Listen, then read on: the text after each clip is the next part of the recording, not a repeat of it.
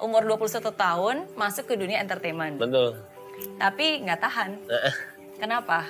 Besoknya saya kabur dari rumah, bawa semuanya, koper segala. Nggak punya uang sekali waktu itu. Kadang-kadang musibah itu buat saya bukan musibah, sebenarnya anugerah buat saya tuh. Jadi Kegagalan bukan akhir dari segalanya dan kesuksesan juga bukan berarti akan selalu ada selamanya. Yang paling penting adalah hidup itu selalu naik turun, silih berganti, tapi keyakinan dan keberanian untuk terus melangkah itu yang harus kita miliki.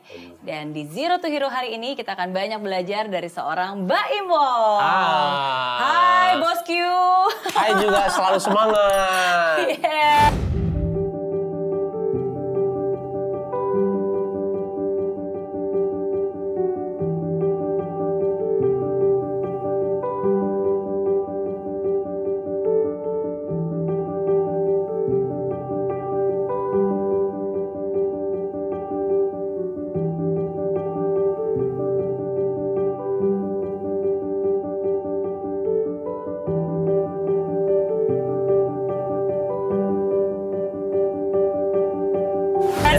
Thank you untuk waktunya. Uh, saya tahu Mbak Im tuh sibuk banget, Enggak banget, lah. banget, banget. Sama-sama. Apalagi sekarang ada Kiano. Iya, Benar nggak sih? harus dia kalau pagi tuh harus selalu sama Kiano. Iya bener keluarga tuh harus nomor satu tapi gimana ya? Mesempatkan diri pokoknya. Menyempatkan diri. Oke, it's not about having time tapi making the time. Betul, Benar nggak sih? betul Karena kan semua orang pasti nggak punya waktu tapi kita harus meluangkan waktu untuk hal-hal yang penting dalam hidup.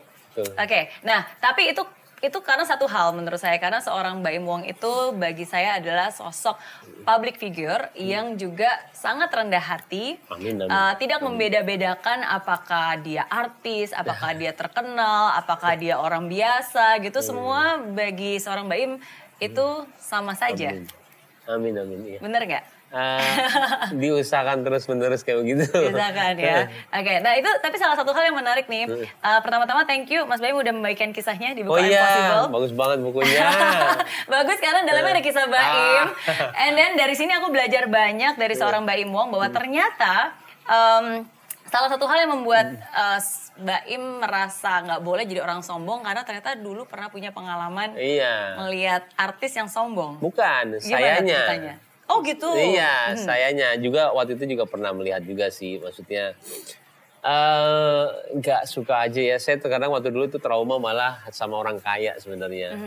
Saya nggak suka banget melihat orang kaya. Kenapa? Karena menurut saya dia itu ya eh, apa ya eh, tingkat kesombongannya itu lebih dan kadang-kadang tidak memanusiakan manusia. Tapi bukan semuanya orang kaya ya. Tapi terkadang yang saya lihat itu seperti itu. Makanya saya seringnya ke bawah, ke bawah, ke bawah. Nah waktu itu juga kalau misalnya dibilang sombong juga sebenarnya saya juga sempat eh, mengalami stigma itu ya. Jadi ketika em, adalah kita bisa bilang waktu itu lagi naik-naiknya lah. Iya. Tiba-tiba tanpa disadari juga eh, yang menegur saya itu adalah teman baik saya. Dia bilang apa? Im, lu berubah ya katanya. Hmm. Sedangkan kita ngelakuinnya keseharian kayak biasa aja gitu loh, nggak seperti berubah sama sekali kita aja. Jadi pas saya di rumah melihat lagi diri saya, apa emang gue berubah ya? Karena memang ketika kita lagi ada di eh, eh, eh, mungkin momennya ya, banyak kan orang itu perlu sama kita semuanya ya. Yang terkadang semua orang perlu sama kita dan akhirnya kita ngedongak sendiri gitu ya, tanpa kita sadari. Nah kadang-kadang itu yang dibilang mungkin apa? eh apa tuh namanya? Apa ke orang itu? eh tunggu, eh sindrom. Oke. Iya, sindrom itu yang dibilang sindrom yang eh, mungkin ketenaran atau nggak apa pun itu ya. yang Kadang-kadang kita- saya pun nggak tahu.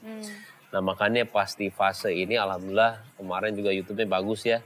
Untungnya saya di- eh, sudah pernah mengalami fase seperti itu. Saya nggak mau lagi. Jadi waktu dibilang, itu apa teman sendiri yang menegur sendiri. merasa Baim berubah. Iya. Berubahnya gimana? Eh, beda aja kata dia. Eh, lu kayak istilahnya bergaulnya maunya sama orang yang ini, sama yang ini malah jadi sepertinya beda aja kayak nggak seperti dulu kata dia. Ah enggak, saya bilang. Tapi kan ah enggaknya kita saya kita sebagai manusia pasti egois ya, Iya. pasti egois. Nggak nggak inilah. Tapi Apalagi di rumah, ditegur, iya, ya apalagi kan? laki-laki gitu loh. Saya di rumah tuh mikir pasti apa emang gue begitu ya? Kan laki-laki begitu ya. Nah dia mikir dan ternyata iya gitu loh. Dan akhirnya pas sekarang tuh fasenya supaya saya tidak istilah di arah gitu lagi, saya tuh makanya suka ke bawah terus supaya menetralisir apa yang ada. Karena kalau misalkan saya membaca semua pujian itu ya, pujian lagi, pujian lagi. Ngeri banget kalau saya itu pujian. Mendingan saya itu kritik terkadang ya. Kritik itu membuat kita tuh tamparan habis itu mikir iya atau enggak ya. Karena selama ini kalau misalkan kita saya ngelakuin apa yang saya lakuin sekarang ya, pujian banyak banget. Saya tuh kadang takut sendiri. Takutnya tuh, duh mengerikan ya. Takutnya kita menjadi orang yang sombong gitu ya. Makanya ke bawah lagi, ke bawah lagi, ke bawah lagi. Supaya, supaya buat saya itu menetralisir semuanya. Hmm, oke. Tapi kalau melihat apa yang sudah dilalui oleh Mbak Im Wong, em, sebenarnya sungguh sangat layak dan sepantasnya lah em, kamu menikmati apa yang kamu dapatkan sekarang. Karena Amin. kalau saya tanya nih kepada semuanya, siapa yang pengen sukses? Angkat tangan bilang saya. Wah pasti semuanya pengen Semuanya. sukses. Siapa yang pengen terkenal? Semua juga pengen Semuanya. terkenal. Siapa yang pengen punya istri cantik, keluarga yang sakinah? Semua Amin, juga pasti semuanya. ingin. Bener nggak? Tapi kalau saya tanya, siapa yang pengen em, berjuang, ditolak, dijauhi temen? Bener. Pasti nggak ada yang mau. Bener. Tapi kan datang satu paket. Betul. Semua itu pernah dilalui, makanya bisa menjadi seperti yang sekarang. Benar, benar. Kalau nggak ada kegagalan nggak akan ada kesuksesan kalau saya bilang. Hmm. Dan yang saya bilang itu namanya bukan kegagalan ya. Kalau saya nggak berhasil, apalagi restoran. Saya data dari tahun 2007 mulai Hmm. sampai 2020 juga cuma paling cuma dua yang berhasil ya. 2007 buka restoran. Iya, 2002 2020 masih buka restoran tapi paling dua yang berhasil. Hmm. Yang lainnya tuh bangkrut semuanya. Itu puluhan berarti ya. Jadi kalau saya bilang saya selalu bekerja keras dan saya selalu uh, a- mimpi saya tuh selalu saya uh, genggam gitu ya walaupun orang tua, orang terdekat kita mau pacar segala bilang itu udah jangan ngumpulin uangnya dari ini aja, entertainment aja, syuting ini sayang duitnya habis mulu gitu loh. Tapi Iya. saya nggak pernah mendengarkan itu karena saya yakin saya akan berhasil gitu loh Oke. tiba-tiba ya rezekinya bukan dari restoran tiba-tiba dari YouTube yang Iya. sebenarnya Allah tuh cuma ngelihat mau ngelihat kayak sampai mana sih kerja keras tuh gitu loh nanti Iya. nih akan ada nih 2020 atau 19 nih dari sini coba deh dan akhirnya memang apa yang saya bayangin di eh, eh, restoran jadi restoran itu kan sebenarnya saya ngelakuin juga saya bilang ke diri saya tuh kayak acting yang saya lakuin itu sebenarnya eh, bukan suatu pekerjaan karena kenapa eh, acting itu tidak bisa dibilang pekerjaan karena kita per bulannya nggak tahu ada atau enggak.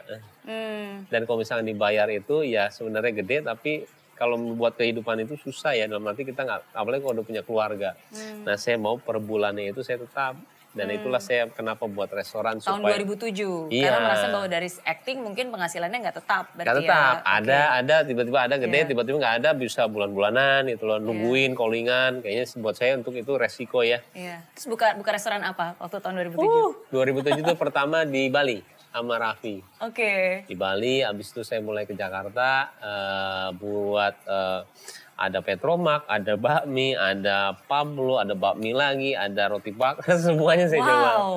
Semuanya coba, semuanya coba dan akhirnya semuanya juga yang sama orang lain juga nggak berhasil semuanya. Akhirnya yang berhasil itu cuma ada Petromak sama Food Garden, nah itu menuai hasil. Tapi yang lainnya bangkrut semua. Kayaknya teman-teman dekat semua semua tahu deh. Saya kayak gimana kayak gimana. Sampai Paula pun kata eh, eh, menikahi saya sebenarnya saya udah bilang sama dia ketika saya mau nikah eh, kenal sama dia dua minggu gitu ya. Dia kan model kelas A plus gitu ya. Yang orang-orang ngeliatnya kok model A, eh, model tuh dari bawah ke atas lah kalau ngeliat orang gitu ya. Kayaknya semuanya di perintilan gitu dilihat gitu kalau laki-laki tuh. Jadi pas saya dia sama saya, saya bilang sama dia, kalau emang kamu nikah mau nikah sama saya itu gara-gara saya orang kaya, jangan ya.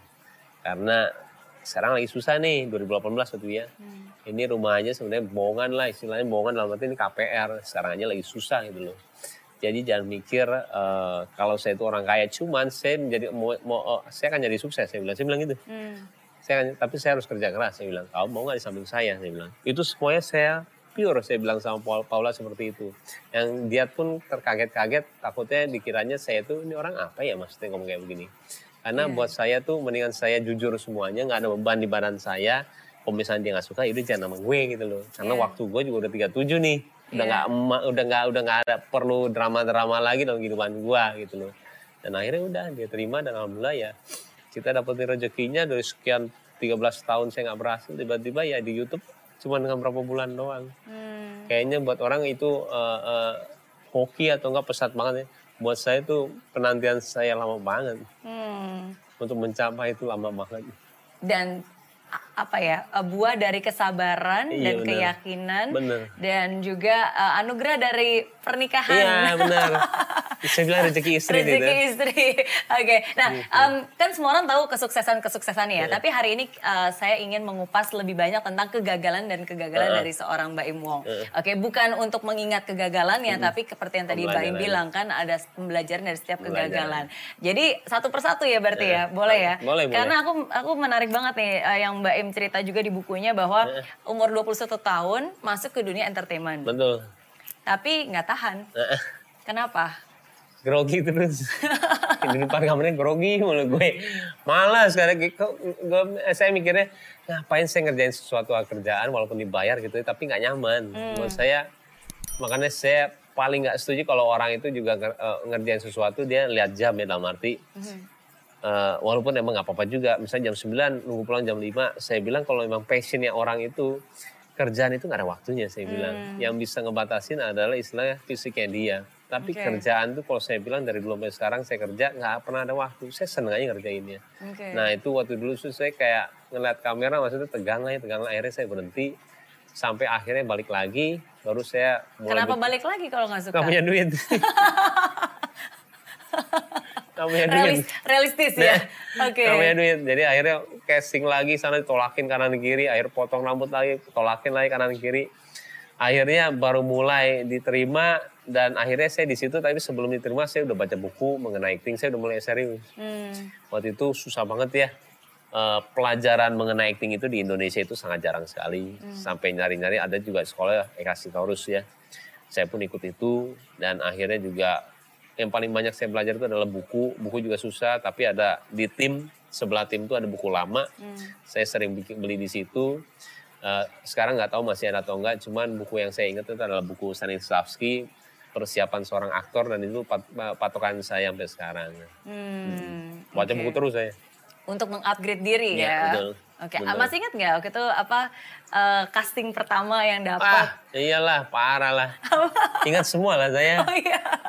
PH-nya ya ingat semua, ditolakin lagi, tolakin lagi, berapa bulan. Saya pokoknya alasannya itu, dan saya waktu itu udah nggak nggak pernah minta orang tua lagi. Jadi pas mau cukur rambut itu, eh, sama apa teman saya namanya Ardian, nama, sama Niko juga ada di bawah orangnya. Em, saya minjem uang 300, 200 untuk potong rambut, habis itu foto lagi. Foto lagi tuh cuman kayak, nih ada foto baru cuman kayak absen sebenarnya Hmm. Ini gue ini belum dapat kerjaan, belum dapat kerjaan. Karena saya kenal sama semua casting directornya. Hmm. Tapi kok gak dapat dapat ya gue. Akhirnya udah. Nah barulah saya di Cinemark waktu itu diterima. Pertama sekali sih di Multivision ya. Hmm. Eh, tersanjung tujuh waktu dulu tuh inget banget. Ah, Oke. Ternyata Tersanjung itu berarti lama banget kan itu sinetron tahun berapa itu 2004 apa 3 gitu ya. Dan di situ baru mulai eh, istilahnya serius dan akhirnya pas Cinemark langsung kayak roket lah. Waktu itu cincin sinetronnya langsung kayak roket. Hmm. Tapi di situ ya sebenarnya eh, awal mulai karir karir seorang itu ya ketika dari itulah ketika kita mulai di atas yaitu awalnya gimana caranya kita maintain, gimana caranya kita bergaul, gimana Iya. caranya kita konsisten. Dan itu mulai konsisten dalam acting itu juga fase yang paling sulit buat saya ya karena benar kalau kata Mbak Mary tadi gimana cara konsisten itu paling penting dari semuanya sih. Gimana caranya kita bagus terus nggak ada grafik paling gini doang ya. Tapi jangan pernah begini karena itu bahaya banget karena orang-orang di belakang kita tuh banyak sekali yang mau istilahnya nyusul kita ya. Mau Kalau- berada di Oh, iya menggantikan dong. posisi kita ya. Itu kan sebenarnya uh, kompetitor sehat ya. Iya. Jangan bilang itu adalah istilahnya saingan. Saya paling nggak setuju bilang itu saingan. Anak-anak muda sekarang kalau saya bilang juga uh, masuknya dia itu ilmu baru buat saya. Apa yang nggak saya punya saya lihat dari dia dan saya curi ilmunya. Tapi bukan berarti dia itu saingan.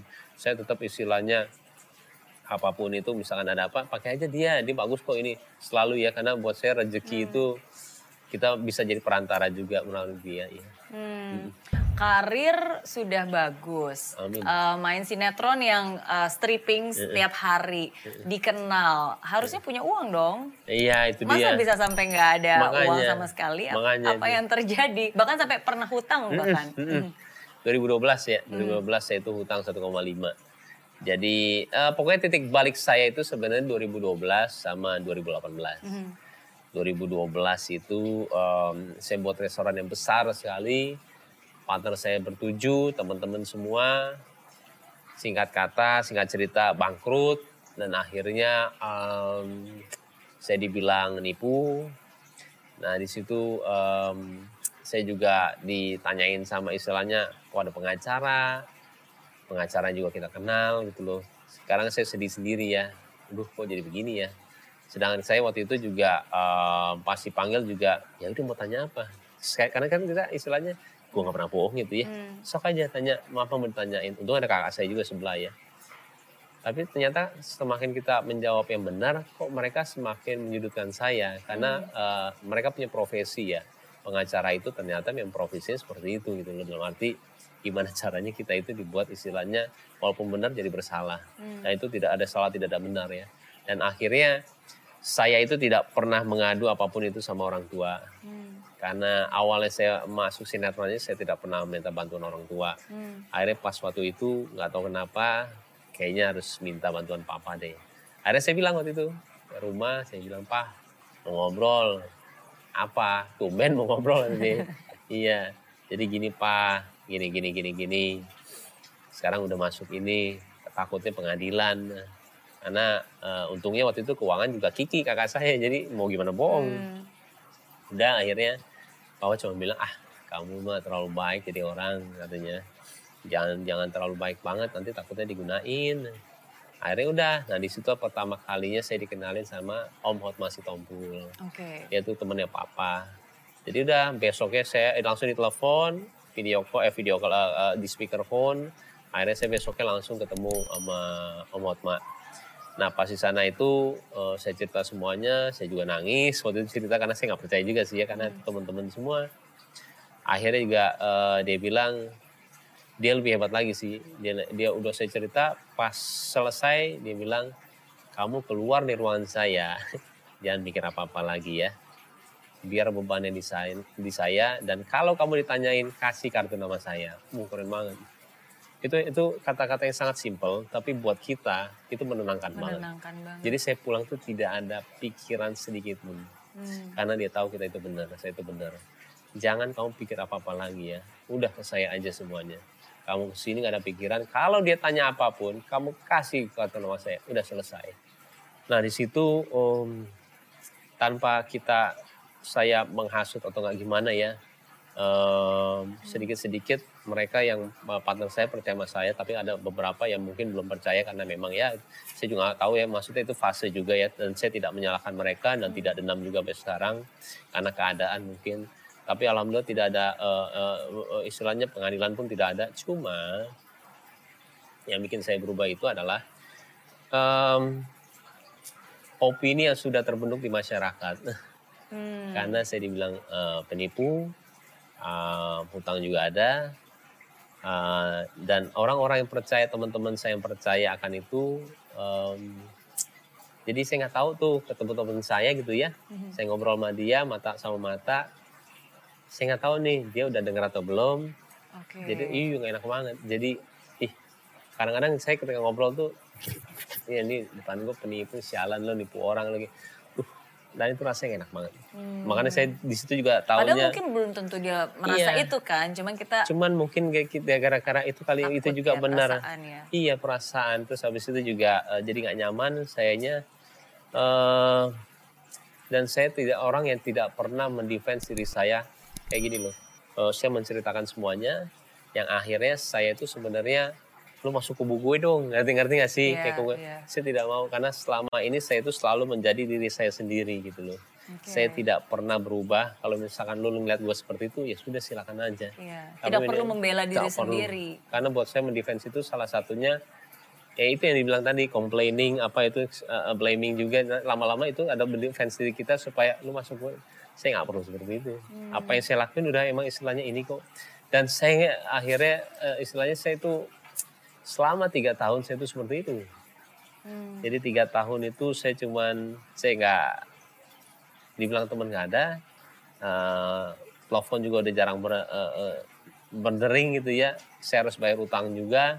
Eh, kesenangan saya kalau misalkan saya ada syuting itu seperti dunia lain buat saya. Tapi ketika saya sampai rumah saya nggak pernah ke mall saya nggak pernah apa. Karena saya ngeri ketemu teman-teman yang saya nggak tahu teman atau bukan.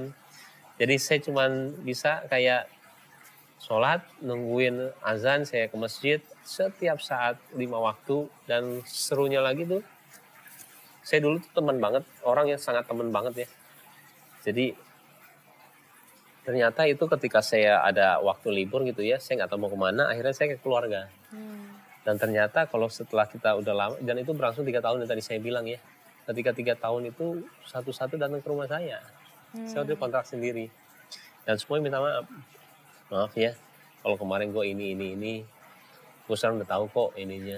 Satu-satu. Tiga tahun itu lama banget loh. Iya. gila tiga tahun saya nggak pernah ke mana. Satu-satu datang dan setelah itu selesai semuanya tiba-tiba terbentuk saya nggak udah nggak pernah ke sini sesama keluarga terus.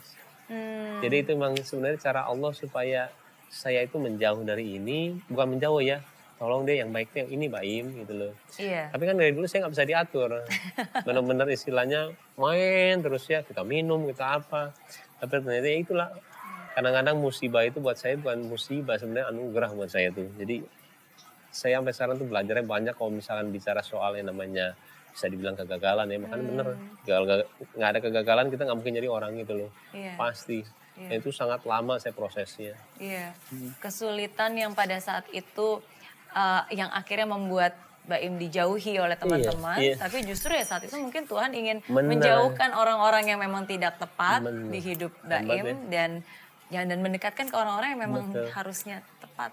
yang, yang bisa dibilang maha itu ternyata bener ya dia itu Hmm. maha segalanya sampai strategi dia untuk itu pun kita nggak bisa baca gitu loh iya benar-benar kita nggak bisa baca dan akhirnya endingnya gila ya maksudnya seindah ini ya endingnya ya gitu Iya. loh yang tadi kita bilang itu adalah musibah buat saya Hmm. Tapi kan tiga tahun itu waktu yang sangat panjang ya. banyak Sedangkan kan setiap hari aja kalau kita berada dalam kesulitan, setiap menit di pikiran kita tuh pasti kan negatif, Oh iya, benar. khawatir, Oh, benar, ragu, dan benar. kita nggak tahu ini ujungnya sampai kapan. benar Apa yang Mbak Im katakan kepada diri sendiri di saat-saat seperti itu? Oh iya, itu itu benar banget.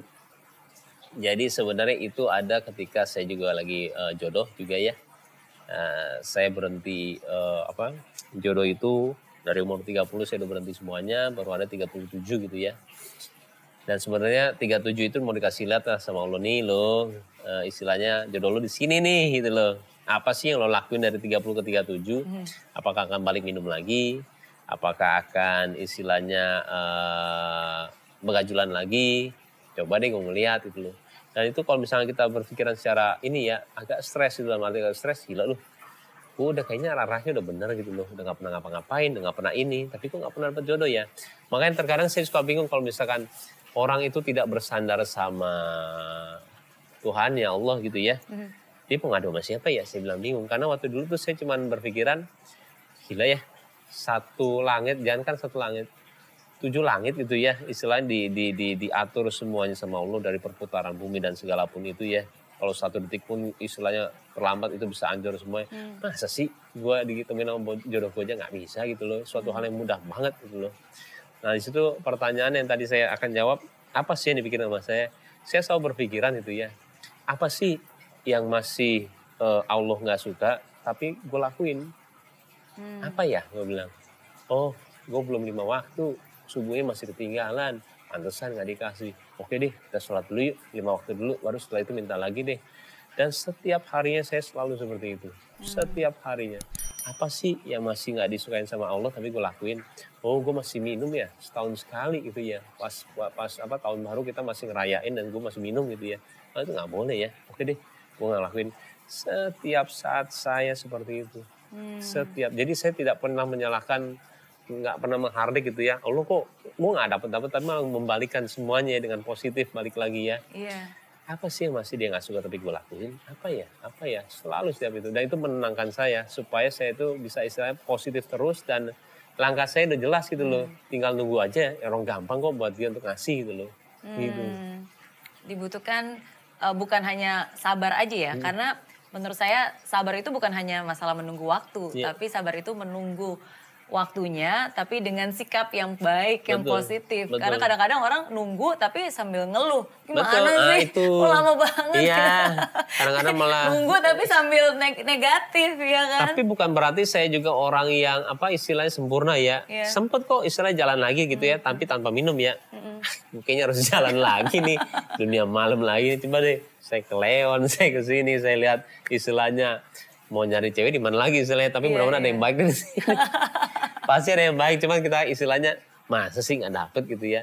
Dan itu juga saya lakuin tapi tetap aja akhirnya balik lagi ke rumah lagi. Kayak istilahnya semua cara saya lakuin tujuh tahun tuh berbagai macam cara saya lakuin tapi akhirnya ya selalu balik gimana ya gimana ya? Dan akhirnya selalu balik dengan pertanyaan itu apalagi ya apalagi ya? Hmm. baru mulai istilahnya belajar puasa habis itu juga belajar sholat tua tahajud jadi semuanya saya lakuin sampai akhirnya dapat ya umur 37 itu Oke.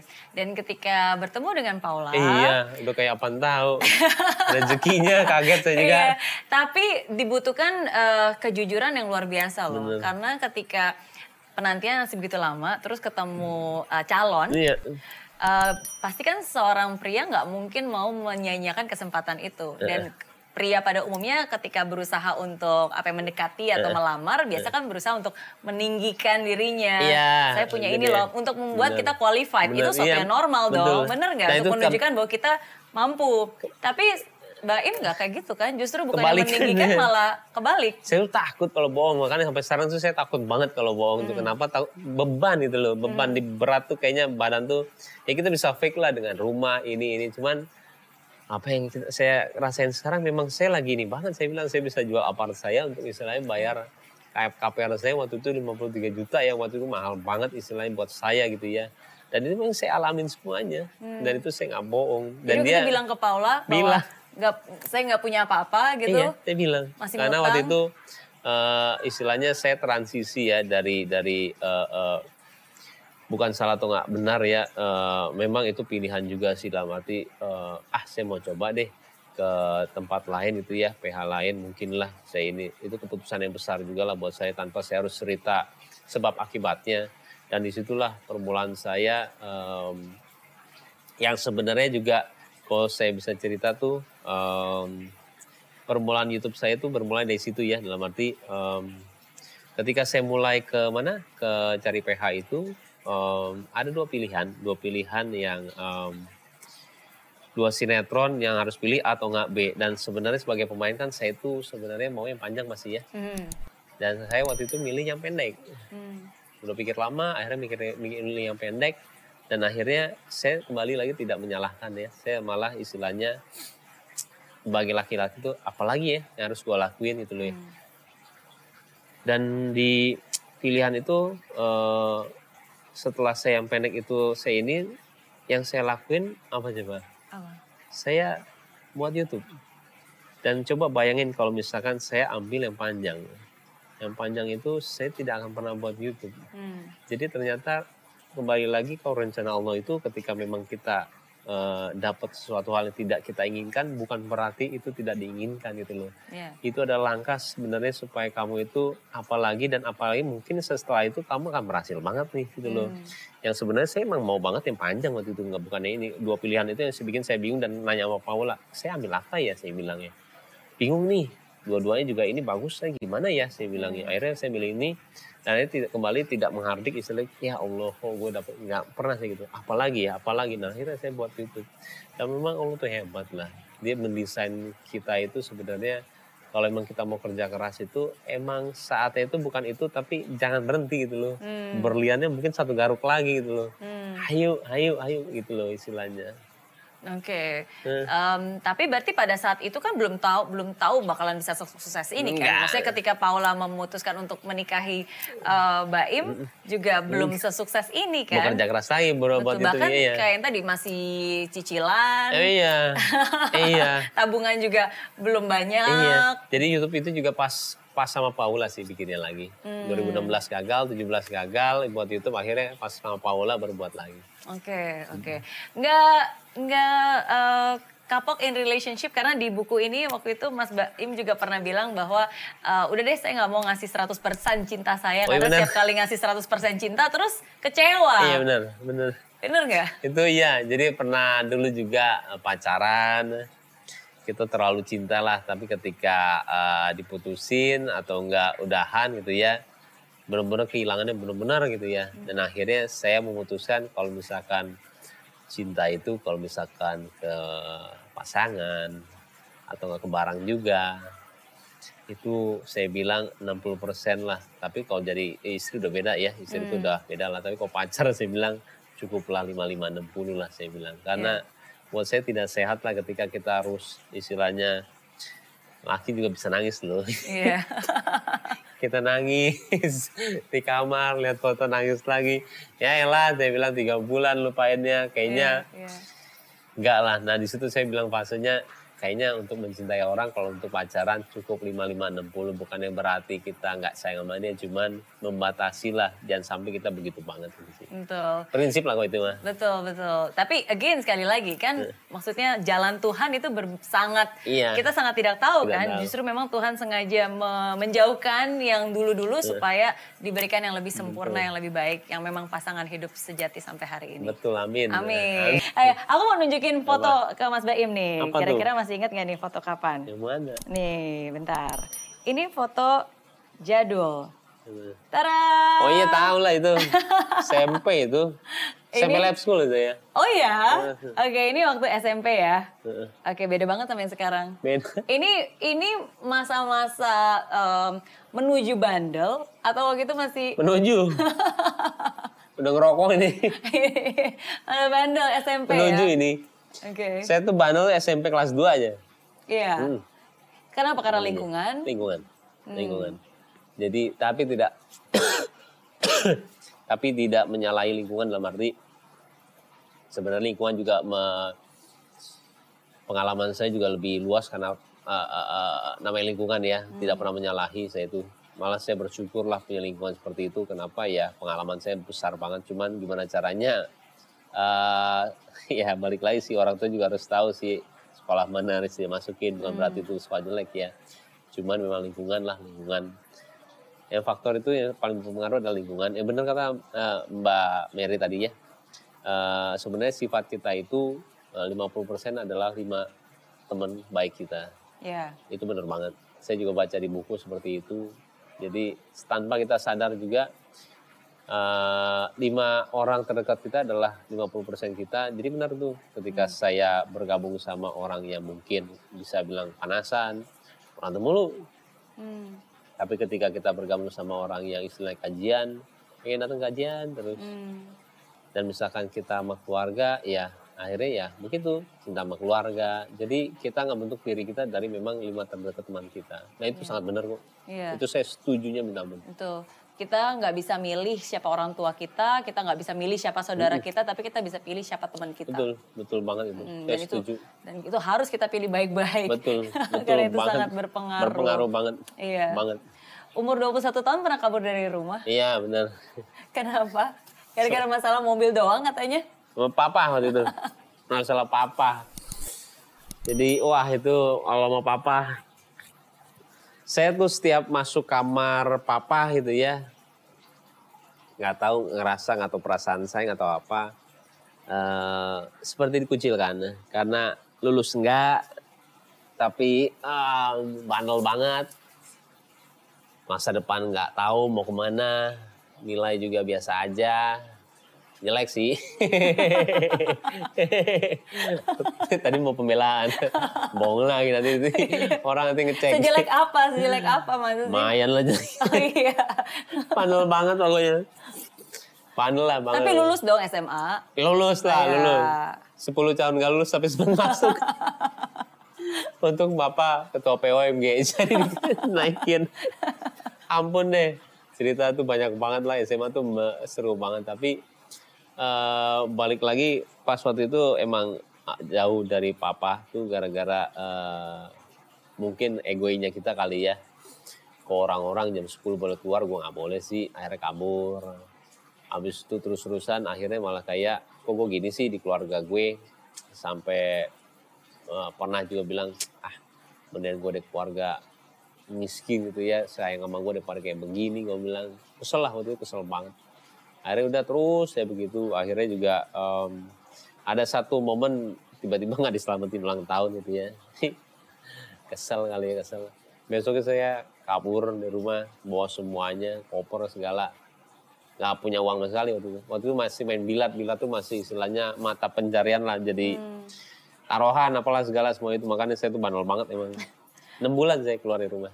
Itu masih itu kuliah berarti ya? Kuliah? Kuliah. saya oke. kuliah enam bulan dari kampung dari rumah. Ada tuh teman saya di bawah namanya Niko juga dia saksi saya lah. Saya nginep di rumah dia nginep di rumah adalah teman-teman saya. Uh, pas waktu berapa bulan ya? Uh, lima bulan lah ya. Saya udah keluar terus. Waktu itu sempat ketemu kakak saya tuh di Plaza Indonesia. Udah lama lah saya nggak ke rumah. Dan saya lebih senang malah karena itu kebebasan yang saya mau sebenarnya. Hmm. Karena dari dulu tuh dikekang bukan dikekang ya ada aturan terus lah di Iya. rumah Memang nggak dicariin kan? cariin lah saya aja nggak mau Terus tapi pulang nggak mau pulang? Nggak mau. Mhm. karena saya mau papa saya sendiri yang ngomong bukannya Hmm. kakak bukannya mama karena saya kan ini sama papa ya nggak pernah mau pulang jadi pas uh, bulan kelima saya kangen banget sama mama akhirnya saya telepon saya ingat banget pagi-pagi nangis saya uh, apa kabar baik kangen banget lah kamu pulang dong katanya. Iya nanti mah papa suruh papa lah yang ini. Karena kan bayi sama papa ininya. Suruh papa lah telepon karena kan kalau laki-laki tuh egonya gila sih ya. Apalagi orang tua juga begitu lagi sama. Ampun deh. Makanya terus ya begitu. Dan setelah telepon itu besoknya papa telepon Eh, cuma dua menit kok. Kalau nggak salah saya lagi ulang tahun atau gimana sih? Eh boy selamat ulang tahun ya katanya. Eh papa saya bilang terus dia bilang eh, kamu pulang gih katanya mama setiap hari nangis tuh di kamar kamu katanya. Kamu pulang gih katanya. Cuman sesimpel itu. Besoknya saya pulang. Hmm. saya pulang em, pas saya pulang itu siang pas mama lagi sholat gitu ya saya langsung tiduran di paha mama. Saya tiduran saya minta maaf. Eh, disayang lah saya. Udah nggak apa-apa maafin ya ma. Biasanya papa cuman eh boim udah pulang. Gini nih. Kembali lah gitu gitu lagi. Cuman senengnya ya saya udah pulang nah di situ saya mulai eh saya merubah ini saya pola saya gitu loh saya bilang mau kuliah lagi saya janji IP saya tiga waktu itu dan hebatnya gitu ya kalau kita emang punya kemauan gitu ya Hmm. dapat tiga pas lagi Harusnya mintanya empat ya. Nah, itu kita empat. Tiga pas, tapi akhirnya ya begitu lagi, ada kerjaan, Oke. eh, sinetron, dan tapi ya yang mulainya juga nggak disukain sama papa karena takutnya nggak nggak eh, main-main doang, Hmm. pakai nama dia lagi Wong gitu loh. Kan saya Muhammad Ibrahim ya, Hmm. pakailah Baim itu dari Ibrahim, Wongnya dari Joni Wong. Saya mau emang orang teman-teman dia bangga lah eh, sama saya gitu anaknya Joni Wong nih gitu loh. Tapi ternyata layan yang di papa tuh ngapain kamu pakai nama papa? Kan takutnya malu-maluin ya. Hmm. Ngapain kamu pakai? Nah di situ agak-agak ngerasa ini juga sih. Aduh saya bilang. Tapi saya nggak bilang. Tapi alhamdulillah ketika 2005 naiknya nggak seperti sangka-sangka ya. Hmm. Dan akhirnya ya ketika papa pulang itu eh papa tuh tadi ketemu tuh sama teman papa itu anak lo ya Johnny ya gini-gini. Dia ngomong gitu tuh kayak ya inilah maksudnya gue untuk pakai nama ini Hmm. tanpa harus menjelaskan ya sama dia. Jadi memang terlalu banyak lah istilahnya asam garam dan juga kebahagiaan di pengalaman saya. ya. Jadi Iya. kalau udah segini tuh pasti tiap di tahapan segini tuh kayak udah yaudah udah udah semuanya tinggal apalagi yang bisa gue jadi manfaat buat orangnya gitu aja gitu loh. Karena udah Iya. kenyang sebenarnya kenyang banget. Tapi kalau kita perhatikan dari setiap semua masalah, semua tragedi, semua kesulitan itu selalu membawa Baim naik level ke Iya, yang berikutnya, ya kan? Karena sebenarnya masalah itu emang bener ya. Iya. Itu tahapan kita ke next level berikutnya. Iya. Benar Kar- kok. karena waktu itu kabur dari rumah, bukan berarti itu harus ditiru ya, Iya. tapi jangan ditiru. Tapi justru dengan kepergian itu dan kembali lagi ke rumah, em, itu mungkin menjadi titik baliknya Oh, iya dong. Baim, Iya dong. ya kan? Di situ saya- apa yang berubah kan? Apakah pa- karena papa yang berubah, karena lingkungan, atau karena Baim yang berubah? Eh, sebenarnya waktu itu balik lagi juga sebenarnya eh, masih ada permasalahan ya dalam arti saya masih eh, suka keluar dan akhirnya juga adalah kejadian eh, saya dipindah tangankan lah bukan tanggung jawab dia lagi jadi nggak tahu lah saya pakai bahasa apa Arab waktu itu ya "Hah, kamu bukan tanggung jawab apa lagi ya kamu nih Hah? bukan anak dia lagi gue bilang tapi udahlah saya bilang ya udah deh gue bilang tapi di situ juga eh, sebenarnya titik balik saya tuh itulah pertama kali saya ikut AW. Oke. Eh, eh, ikut AW, saya juga nggak pernah Iya, mau iya. ikut kayak Issue gitu-gitu. works. Iya, Iya. nggak pernah mau saya Oke. ikut gitu Kenapa ya? Bukan gua banget lah seminar apa-apaan itulah.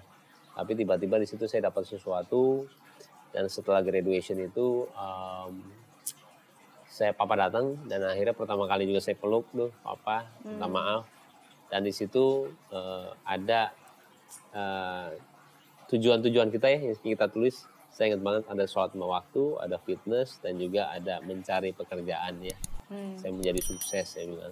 Dan itu selalu saya tuju tuh. Jadi kalau udah ditulis di situ langsung bawahannya tuh apa yang mau dilakuin tuh ya. Iya. Mau casting, mau apa, mau ini itu semua. Harus ada action plan-nya Iya, dong, action plan-nya cuma di bawah banyak doang. banget tuh. Betul. Cukur rambut, ini semuanya tuh action plan-nya. Foto lagi, habis itu casting ini terus aja. Oke. Nah di situ tuh mulai yang namanya perjuangan lah istilahnya. Iya. Perjuangan yang ini loh, nah, itu sulit banget. Itu karena itu fase itu tuh di saat saya udah yang tadi saya bilang tuh 2001 eh 21 Iya. saya syuting, nah, saya berhenti. Iya. Nah fase di tengah-tengah itu Iya. dan di eh, saya kita bilangnya di OI ya tujuan itu. Di OI-nya saya waktu itu mau syuting lagi. Hmm. Apa yang harus dilakuin ke bawahnya. Oke. Ada udah tuh berjuang selama enam bulan ditolakin terus dan akhirnya tadi saya cerita akhirnya masuk. Oke. Mm. Tapi kadang memang harus dipaksa dulu sih. Iya, ya bener, kan harus bener. jadi bisa ya jadi terbiasa. Dan harus yakin gak tahu kenapa. Kalau saya tuh gak tahu ya punya sifat tuh saya gak tahu kenapa. Iya. Kenapa ya gue punya keyakinan tuh kadang-kadang melebihi orang lain gitu loh. Yang kadang-kadang orang lain tuh bisa istilahnya jangan ini udah udahlah lu udah cukup gitu loh. Tapi nggak tahu tingkat saya keyakinan saya untuk berhasil tuh sangat tinggi banget ya gitu loh dalam Di atas rata-rata manusia biasa. Iya, terkadang saya tuh juga suka bingung ini benar ini ini positif atau negatif ya saya bilangnya karena takutnya emang jebol ya tiba-tiba ya dengan resiko yang kita ambil gitu ya. Buat lagi restoran, buat lagi, buat lagi. Cuman saya selalu ada keyakinan tuh kayak kayak gini loh. Waktu saya nggak punya rumah pun saya udah ngebayangin rumah saya kayak gimana. Ah, oke. Ada kolam renangnya, ada ininya, ada saya udah ngebayangin semua di kepala saya. Walaupun saya tidak punya uang ke situ ya, tapi selalu saya ada bayangan. Makanya kadang-kadang selalu saya baca buku itu eh, punya cita-cita istilahnya setinggi tingginya Iya, digambarkan juga. Dan memang itu benar gitu loh. betul. Apa yang kita ini walaupun sekarang saya belum ada eh, apa kolam renang yang sekarang gitu ya. Ternyata saya nyari rumah ini saya selalu ingin harus ada kolam, renang. karena itu adalah mimpinya saya Iya. gitu loh kadang-kadang saya punya keyakinan yang terkadang saya juga belum punya uang ke arah situ tapi saya akan ke arah sana apa pun caranya gitu loh Betul. iya Eh, saya tuh percaya banget sih itu. Ada yang bilang law of attraction, ada yang bilang afirmasi. Tapi itu saya Iya. percaya banget. Kayak kemarin baru ngobrol sama Andre, uh, Sultan Bintaro. ya iya Dia juga gitu dari sejak SMA selalu uh, majang uh, poster mobil BMW, BMW, dan itu diafirmasikan. Pokoknya saya harus punya Oh, Harus mobil BMW, aja. harus punya mobil BMW, harus udah dibayangin dulu. dan walaupun dari keluarga yang biasa juga dari keluarga yang biasa-biasa aja dan Oh. akhirnya berjuang berjuang berjuang akhirnya bisa beli mobil BMW sendiri pada saat itu. Jadi Wow. memang kadang-kadang tuh Iya, kita harus bener. percaya dulu Iya, baru bener. kita bisa melihat. Bener. Gitu. Kadang-kadang kan orang butuh pembuktian. Mana lihat dulu, Bener. mana dulu gitu baru saya bisa percaya. malah Ya. terkadang kalau orang kaya dulu juga ada teman saya gitu kuliahan gitu ya, dia selalu bawa BM kita belum bawa mobil gitu ya tapi ada satu kata-kata dia sering saya ingat ah kalau gua nanti kerja gue cukup jadi manajer kok istilahnya kerja eh, gaji 2 juta udah cukup buat gue Hmm. Malah kadang-kadang kalau orang punya cita-cita seperti itu, dia akan mendapat di bawahnya. iya. Dan sampai sekarang juga saya ketemu orangnya juga gila ya, bener loh gitu loh. Iya. Pemikiran kita itu adalah apa apa yang kita capai gitu loh. Jadi Betul. jangan pernah istilahnya pikiran, aduh udah gue cukup segini aja. Akan dapetnya memang segitu atau di bawahnya. Itu Iya. bahayanya pikiran sih ya, benar-benar apa yang kita di pikiran kita itu yang terjadi sih. Itu saya percaya banget. Betul, betul. Jadi hati-hati dengan pikiran karena itu Betul. bisa membawa eh, malapetaka Betul. atau bahkan membawa rezeki untuk Betul kita. banget, betul banget. Iya. Apa nasihat eh, terbaik yang pernah diberikan oleh papa dan juga mama Oh, dari papa mama. atau dari siapa pun? Ya. Eh, kode saya nggak nggak inilah masih belajar saya. Kalau dari papa mama, eh, mama itu selalu ngajarin em, kalau kita berhasil, kalau kita mencapai cita-cita kita, jangan lupa sama orang lain. Dia selalu bilang kayak begitu karena sebagian harta kita itu adalah milik milik mereka. Jadi bukan milik kamu semua, Mbak Im, itu perantara kamu itu. Jadi itu kata-kata yang selalu saya ingat sampai sekarang. Jadi terkadang kalau saya dapat besar itu Hmm, gimana caranya saya berpikiran itu bukan uang saya semuanya. hmm, Gimana saya membagikannya ke orang-orang yang em, istilahnya membutuhkan ya. Itu kata-kata yang selalu saya ini ingat sama orang lain. Karena doa mereka itu lebih hebat daripada orang-orang yang bisa dibilang mungkin orang yang mampu atau enggak. doa mereka tuh hebat banget baik dan itu yang saya ini. Karena mama dari dulu dari dulu tuh saya kasih uang tuh saya bingung kok nggak pernah pakai baju bagus, nggak pernah pakai tas bagus, nggak pernah. Dan akhirnya saya tahu baru pas ketika mama meninggal itu ya, papa bilang sama saya, uang kamu itu semuanya buat orang Purwakarta. Purwakarta kampungnya dia, saudara dia banyak banget. Semua di sana baik.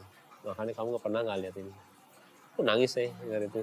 Saya di situ mudah-mudahan saya bisa mencontoh apa yang dilakukan sama mama saya. Hmm. Amin, pasti. Amin, amin. Dan sudah dilakukan. Amin, amin. amin. amin. Kalau dari papa apa biasa nasihat? Kalau dari papa itu eh, tentang perkawinan sih kalau dari papa. Uh, Perkawinan itu, Im, kalau orang itu sebenarnya tidak ada yang pernah cocok katanya. Eh, papa sama mama pun nggak pernah cocok gitu loh. Gimana caranya kamu melihat pasangan kamu, jangan lihat kebaikannya. hmm. lihat kejelekannya, keburukannya yang paling buruk aja. Misalkan kamu bisa eh, menghadapinya, Hmm. tahu cara mengatasinya, kamu kawinin. Tapi misalkan enggak, jangan. Hmm. Karena memang itu yang, yang akan kamu temuin.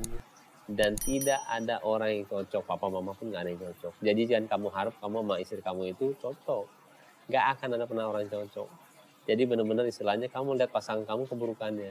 Kamu pikirin bisa atau enggak kamu ini. Misalkan dia orangnya nggak sabaran, marahan. Bisa nggak kamu ini? Kalau misalkan bisa, kawinin. Hmm. Tapi misalkan nggak bisa, jangan. Nah, itu kata-kata yang selalu saya ingat sampai sekarang. Jadi kalau ngelihat orang itu, apalagi pasangan saya gitu ya, dan itu bisa istilahnya ketika saya terapin di pekerjaan saya ke staff saya. Hmm. Ketika dia tidak cocok sama saya, tapi pekerjaan yang saya tidak bisa lakuin seperti keuangan atau nggak apa pun, ketika dia bisa, yang harus menyesuaikan adalah saya. Hmm. Bukannya dia harus ke sifat saya. Karena saya memerlukan dia. Dan itu pelajaran yang saya bilang bisa dipakai buat di kehidupan saya keluarga, Ya. dan ternyata buat di bisnis juga bisa. Ya. Tidak semua orang cocok main, tidak semua orang harus ngikutin kamu. Tapi kamu harus ngikutin dia supaya kamu itu jalannya benar, visi kamu itu jalannya benar. Ya. Dibutuhkan kedewasaan Betul. untuk bisa mengerti dan menjalani yang baru saja dikatakan Oh iya benar, oleh itu, Mbak itu, itu benar. Karena ego kan? Ego. Maksudnya kenapa seharusnya saya nyesuaiin sama dia? Iya. Orang saya bosnya, ya kan? Iya benar, Tapi dibutuhkan ego. betul, betul banget. Pelajarannya itu Ego yang bisa merusak kebahagiaan. betul. Oke, oke dua pertanyaan terakhir untuk Mbak Im. Boleh. Em, kadang ya, saya saya tuh percaya di saat-saat sulit, em, kadang kita mungkin nggak bisa cerita ke siapa-siapa kan, Nggak mungkin kita juga nggak mau menunjukkan kesulitan dan kesedihan kita. Betul. Eh, tapi salah satu cara yang paling ampuh adalah eh, dengan berdoa. Betul. Apa yang selalu ada di doa seorang Mbak Im Wong? Oh doa saya. doa saya itu yang paling saya ingat adalah eh, saya itu jarang doa untuk dunia sih sebenarnya. Hmm. Jadi doa yang selalu saya eh, ucapin adalah sebenarnya empat ya. Eh, lima sebenarnya dengan dihapuskan dosa ya. Pertama pokoknya dihapuskan segala dosanya. Habis itu saya selalu eh, doa tolong jauhkan saya dari neraka jahanam. Habis itu tolong jauhkan dari saya eh, siksa kubur. Habis itu tolong jauhkan saya dari fitnah dajjal, fitnah setan, atau enggak fitnah yang buruk. Itu eh, lima yang selalu saya sebutin karena menurut saya em, fitnah buruk dan juga fitnah setan itu buat saya takutnya merusak apa yang udah kita bangun sama ini ya. Dalam arti kebaikan yang kita lakuin ini takutnya dan kalau misalkan itu ada gitu ya tolong disabarkan gitu loh. Tapi kalau misalkan eh, dijauhkan dari neraka jahanam kayaknya harus saya sebutin terus karena tujuan saya hidup di dunia itu cuma buat ibadah sebenarnya bukan buat uang jadi gimana caranya uang itu jadi bekal saya di akhirat. Dan sisa kubur itu saya juga paling takut ya.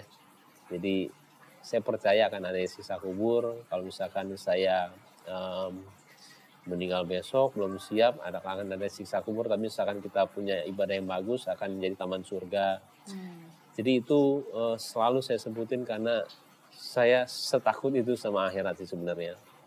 Dan saya mau juga sisa kehidupan saya sekarang itu gimana caranya saya mengingatkan diri sendiri dan juga orang lain karena buat saya itu ya saya hidup kayak begini di setelah saya baca buku satu yang sangat berpengaruh buat saya ya saya, satu tujuan adalah uh, keluarga terus habis itu harta, habis itu anak yang paling kita sayang pun, apalagi pas saya udah punya Kiano ya, ternyata kebayang banget deh.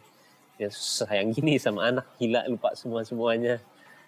Itu semua cuma titipan. Iya. Jadi di situ saya baca semua cuma titipan, yang ada itu adalah amal ibadah kita dan juga Allah. Jadi ketika kita meninggal tidak membawa apa-apa, Hmm. amal ibadah kamu akan diperhitungkan seba- sebanyak apa dan amal itu dipertanggungjawabkan.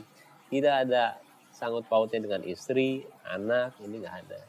Jadi di situ saya berpikiran ya, ya hidup kita ini cuma ibadah sebenarnya. Hmm. Gimana saya meninggal besok ya saya masuk surga amin ya. Cuman Amin. Sangat sulit karena saya tahu banget dosa saya itu banyak banget sih. Banyak banget. Gimana caranya memang eh di ada waktu sekarang tuh kenapa kalau misalkan orang di akhirat juga misalkan saya baca dari eh, menurut ajaran agama saya walaupun agama semua bagus ya saya percaya dan selalu saling menghormati. Cuman di agama saya juga dia, dia, dia- ada cerita juga ketika dia eh, masuk neraka gitu ya. Dia cuma bilang tolong eh, kembalikan saya ke dunia karena sebenarnya kewajiban yang engkau perintahkan sebenarnya mudah sekali. Tapi kenapa saya nggak kerjakan? Tapi Allah bilang tidak ada waktu lagi buat kamu. Jadi kalau saya bilang Hmm. sebenarnya apa yang diwajibin ini sih sebenarnya nggak berat ya. Sholat cuma lima menit. Tapi ya kadang-kadang ketika orang sudah meninggal dia baru menyesal. Nah itu dia sih. Itu yang saya takut banget. Ya mudah-mudahan juga di sisa waktunya kita semua gitu ya. Apalagi saya gitu ya. Mudah-mudahan juga em, bisa ke arah yang saya bilang memang di sini cuman kayak berteduh di pohon sih kalau anggapannya itu di agama saya. Habis panas, teduh di pohon, habis itu kita yuk dari berangkat yuk. Cuman dunia itu cuman sebegitu sedikitnya gitu loh yang selamanya ya di akhirat nanti. Jadi itu benar-benar Hmm. saling mengingatkan apalagi juga Mamiri juga dengan semua ininya senang makanya tadi saya ngisi ini saya gitu ya maksudnya bisa bilang kita bilang motivasi untuk semua orang apalagi nonton juga banyak banget manfaat itu yang mudah-mudahan kita ke arah yang sama Amin. amin amin amin Ya, kita kita nggak pernah tahu apa yang kita lakukan itu seperti apa, tapi yang kita tahu ya kita berikan yang terbaik Bener. dan sesuai dengan yang memang kita Kemampuan kita, niatnya niat dan kita. kemampuan kita dengan cara kita sendiri kan. betul banget Iya, iya. Oke, terakhir. apa tuh Iya kan banyak sekarang orang itu gagal, ditipu, difitnah, eh, mencoba banyak hal nggak berhasil. Misalnya kayak tadi buka restoran gagal, buka toko gagal. Eh, apa yang eh, bisa dipesan-pesan untuk mereka gitu supaya mereka bisa bangkit karena again untuk menuju atas kan kita harus bangkit dari Betul. kegagalan. Hmm, Pesan dari Baim. Ah, kalau itu sih eh, gampang ya dalam arti gampang tuh saya selalu bilang itu sebenarnya bukan kegagalan ya. Tapi yang tadi saya bilang itu kegagalan itu adalah kunci sukses itu benar. Cuman ketika saya nggak berhasil restoran dulu, saya selalu bilang itu itu bukan kegagalan. Tapi saya selalu bilang diri saya itu saya nemuin satu cara lagi untuk berhasil. Hmm. Selalu. Ketika saya nggak berhasil di keuangan, oh gue nggak berhasil di sini ya. Nextnya gue akan cari orang yang jago di keuangan. Hmm. Tapi ketika ada nggak berhasil lagi, itu bukan suatu kegagalan. Gue nemuin satu cara lagi untuk berhasil apa ya? Oh ternyata kalau lagi syuting gue harus ada orang nih jagain restoran gue. Yuk kita cari yuk GM yuk bagus yuk. Ketika itu nggak berhasil lagi terus eh sekarang dan akhirnya sekarang sudah bisa di tahapan yang oh ternyata gue itu kalau udah syuting memang tidak bisa. tidak bisa dan akhirnya memang harus ada orang yang eh, berpengalaman di bidangnya yang mengatur itu semua Hmm. saya di bidang promotion dan marketing deh gitu loh. Sekarang sudah di tahapan yang sangat mengerti itu dan akhirnya juga selalu bilang hampir sekarang juga sampai udah 13 tahun restoran selalu bilang apalagi ya yang eh, eh, eh, yang bikin gue nggak berhasil loh. Oh ini ya gue nemuin satu cara lagi untuk berhasil. Jadi saya bilang tuh kegagalan itu nggak ada ya. Itu malah kayak sekolah. Sekolah untuk ke tahapan berikutnya, sekolah tahapan berikutnya. Balik lagi tapi harus keyakinannya tinggi banget Iya.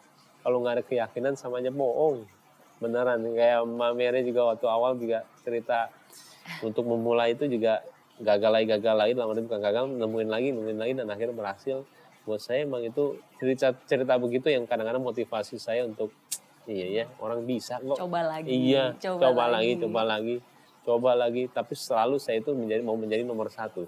Hmm. dalam setiap bidang. Mau acting mau mau apa ya mau YouTube gitu ya. Dan saya selalu aim yang nomor satu siapa ya sekarang ya? Apa yang saya belum punya dari dia ya? Coba ah gue iniin. Semuanya saya seperti itu. Kalau misalkan kita endingnya menjadi dua tiga empat yang penting saya sudah berusaha untuk menjadi nomor satu. Hmm. nah apa apa saya bilang yang penting usahanya saya menjadi nomor satu. Makanya kemarin itu benar-benar saya tuh kayak mimpi lah. Gila kok bisa gue di posisi ini ya? Yang terkadang memang yang kita ngerencanain kalau misalnya ngerencanain gitu ya untuk untuk dapetin malah nggak bisa. Tapi ketika nggak ngerencanain tiba-tiba eh kok iya, bisa gitu ketika kita membiarkan rencana, rencana yang di atas iya, yang terjadi ternyata jauh lebih baik bener, dari rencana kita kan? Bener. Nominasi itu menang nih udah siapin semuanya. Kagak menang.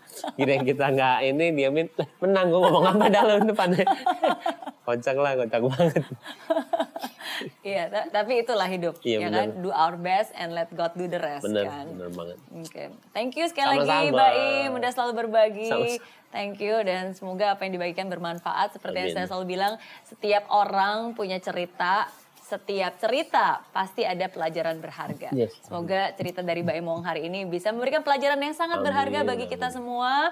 Dan tetap semangat, fight till the end, and never give up. Bye. Bye-bye.